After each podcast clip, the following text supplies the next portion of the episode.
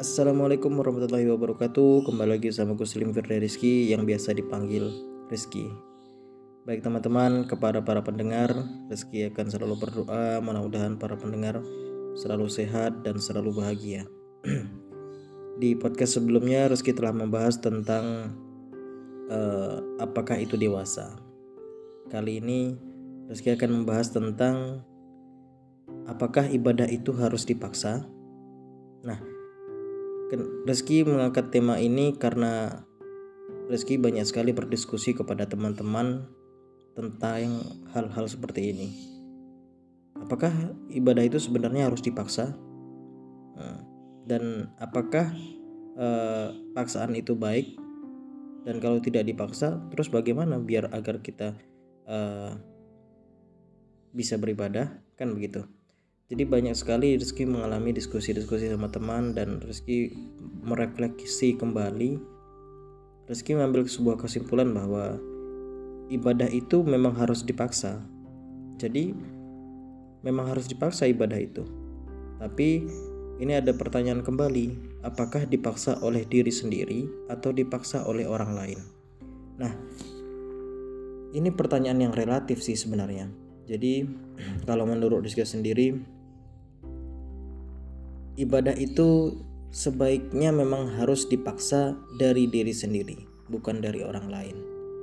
Akan tetapi, ketika kita masih kecil, mungkin ketika kita sekarang jadi seorang yang uh, orang tua, uh, sudah memiliki anak, dan mungkin anaknya masih berumur eh, tujuh tahun atau mungkin masih masih uh, remaja lah ya jadi kalau menurut rezeki ibadah kita sebagai orang tua kita harus memaksa, memaksakan anak-anak itu agar ibadah. Dan sesekali kita harus uh, memberikan hukuman gitu. Kalau mereka tidak ibadah atau mungkin kalau dalam konteks sekarang sholat ya. Uh, kalau dalam konteks Islam gitu kan. Jadi kenapa gitu? Karena uh, banyak orang yang salah mengartikan kata paksa. Paksa itu bukan berarti harus uh, bermakna negatif. Ada kalanya paksaan itu adalah bermakna positif. Contohnya saja seperti begini. Uh, ibadah itu kalau tidak dipaksa, bagaimana uh, kita ingin jadi terbiasa? Nah, apalagi makanya orang-orang tua-tua kita sering memaksa kita ibadah. Ibadah itu kan untuk diri kita sendiri, untuk mendekatkan diri sama Tuhan.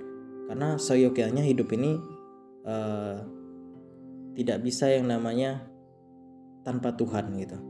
Orang ateis pun walaupun katanya mengaku dirinya tidak tidak tidak uh, percaya Tuhan, seyogyanya di dalam hati mereka sendiri mereka masih uh, meyakini bahwa Tuhan itu sebenarnya sebenarnya ada sesuatu yang luar biasa, sesuatu yang besar yang mengatur dunia dan alam semesta termasuk hidup mereka itu, itu ada gitu.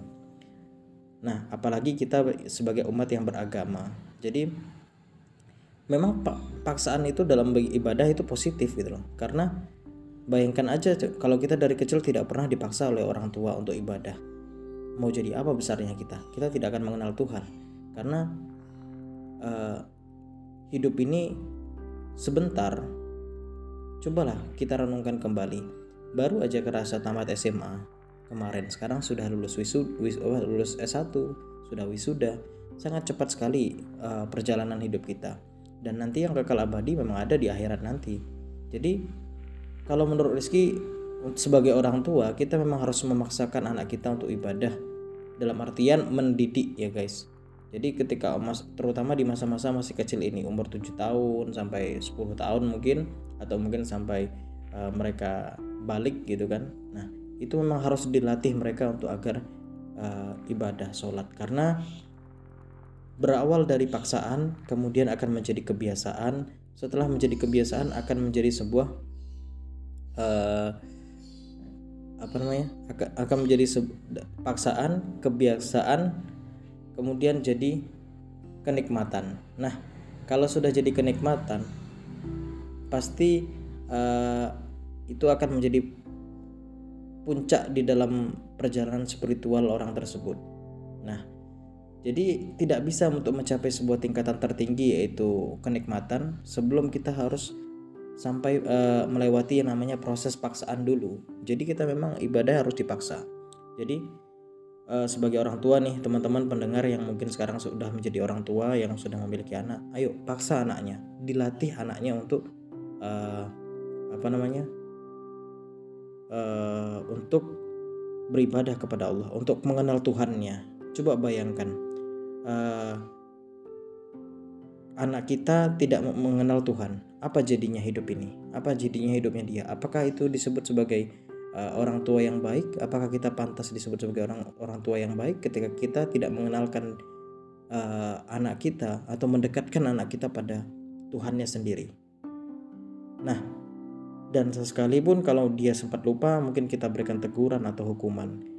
Dan tidak semua kata hukuman itu berujung atau bermakna pada kata negatif.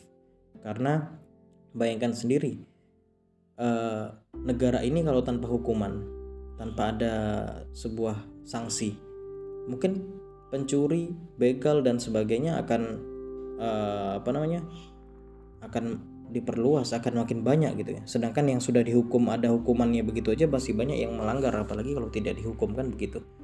Nah apakah uh, sayang itu harus dielus-elus atau mungkin di ngomong-ngomong gitu? Apakah dengan tidak kita marah atau memberikan hukuman itu bukan bentuk sebuah kasih sayang?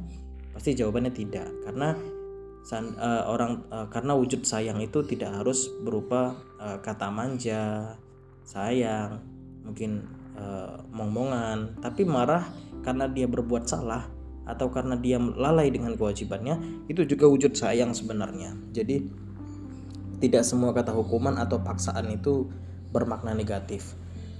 Dan satu lagi kalau kita sudah besar nih kan nggak mungkin juga kita akan di apa namanya paksa sama orang tua atau dipaksa sama orang lain. Bahkan kalau apalagi kalau kita udah umur 20-an mungkin kalau kita berantem sama bapak kita pun menang kita kan gitu. Nah jadi sebenarnya kita bagaimana biar kita bisa mengenal Tuhan? Ya memang harus dipaksa. Dipaksa oleh diri kita sendiri. Jadi tadi fasenya ketika kita masih kecil kita sebagai orang tua memang kita harus dipaksa sama orang tua. Itu wujud kasih sayang orang tua agar anaknya mengenal Tuhan. Tapi ketika kita sudah fase kedua yaitu fase di mana kita sudah besar di mana kita sudah besar sudah uh, apa namanya sudah balik sudah memiliki titel atau apa pun itu sudah melewati jenjang pendidikan yang tinggi tapi kita belum mengenal Tuhan kita belum rajin sholat dan mungkin masih uh, ura-urakan dalam hidup maka menurut rezeki ya harus kita paksakan kita harus dipaksakan oleh diri kita sendiri. Karena uh, kalau tidak dipaksakan dengan diri sendiri kita tidak akan bisa kita harus melawan rasa malas kita masa kita kalah dengan rasa malas kita sendiri nah jadi kita harus paksakan diri kita. Mungkin waktu sholat subuh aturannya biasanya uh, enaknya tidur dan sebagainya. Kita harus paksakan diri kita untuk memegang air dan berwudu kan begitu. Kita harus paksakan. Karena kalau tidak dipaksakan tidak akan pernah bisa kan itu. Bagaimana caranya kita bisa uh, hitungan logaritma yang begitu jelimet kalau nggak kita paksakan diri kita untuk belajar kan begitu Nah, begitupun dekat dengan Tuhan. Bagaimana caranya kita bisa dekat dengan Tuhan, bisa merasakan indahnya bertuhan, bisa mengenal siapa Tuhan kita kalau kita tidak pernah memaksakan diri kita untuk mendekatkan diri padanya. Tidak pernah memaksakan diri kita untuk mengenal dirinya. Kan begitu. Jadi kita harus paksakan. Paksakan banget diri kita untuk ayo aku pengen sholat subuh tepat waktu, aku on time. Ayo aku pengen sholat duhur on time dan sebagainya, jamaah ya harus dipaksakan memang harus dipaksakan diri dari diri kita sendiri. Karena kalau kita di fase yang sudah uh, balik atau sudah dewasa kita nggak mungkin dipaksakan oleh orang lain. Karena kita bisa melawan kan kita karena manusia adalah uh, makhluk yang berpikir kan gitu. Nah ketika kita sudah dewasa kita harus mengutamakan uh, harus tahu runtutan runtutan uh, harus meninggikan mana dulu. Yaitu kalau kita sudah udah besar maka kita harus lebih tinggikan akal daripada nafsu dan harus meninggikan iman daripada akal dan nafsu. Jadi kalau kita harus mempunyai prinsip semacam itu karena kita sudah besar. Ayo teman-teman, kapan lagi kita mengenalkan Tuhan? Tuhan selalu merindukan kita. Apa buktinya? bayangkan lima kali dalam sehari Tuhan memanggil kita untuk mendekatkan diri padanya. Tuhan lima kali sehari, lima kali dalam sehari merindukan kita. Masa kita sebagai umatnya yang selalu diberikan kenikmatan tidak uh, apa namanya tidak merindukan dirinya sama sekali. Bayangkan ketika Anda menangis, ketika Anda uh, tidak memiliki uang, siapa yang tempat yang mendatangkan orang untuk membantu Anda, untuk membantu kita semua dalam semua permasalahan kita. Tuhan, Tuhanlah yang selalu ada. Bahkan Allah telah berfirman itu dalam surat Wadduha, surat Duha, itu ayat ketiga, Ma wadda'aka rabbuka wa makola. Tuhanmu tidak akan pernah meninggalkanmu. Bayangkan ketika pacar kita, ketika istri kita, ketika eh, teman-teman uh, kita meninggalkan kita semua, bahkan ada yang sekedar memanfaatkan kita, tapi ingat Tuhan kita tidak pernah meninggalkan kita. Bayangkan selama ini kita diberikan nafas gratis, kita diberikan kesehatan yang gratis. Bayangkan saja ketika kita bisa menikmat, menikmati uh, matahari, bisa menikmati uh, senja yang indah begitu indah Allah paparkan setiap sorenya, setiap sorenya Allah paparkan lukisan indah di langit hanya untuk membuat kita bahagia. Karena seyogyanya Allah menciptakan kita di dunia ini hanya untuk satu, yaitu untuk bahagia. Jadi, masa kita tidak mengenal, tidak mau mengenal Tuhan kita? Maka ayo teman-teman yang mungkin sama-sama kayak Rizky berhijrah, masih bareng berhijrah. Ayo paksakan diri kita. Kita harus memaksakan diri kita. Karena paksaan dalam agama itu adalah bersifat positif. Tapi paksaan yang tidak memaksa yang paksaan yang untuk diri sendiri bukan untuk orang lain jadi kita tidak boleh memaksakan uh, agama kita kepada orang lain tapi kita harus memaksakan diri kita untuk mengetahui agama kita sendiri begitu teman-teman. Mungkin podcast kali ini cukup uh, sekian. Mudah-mudahan bermanfaat. Kalau ada salah ya Rizky minta maaf. Rizky sebagai manusia dan fakir ilmu. Hmm, wabillahi taufiq walidayah Wassalamualaikum warahmatullahi wabarakatuh.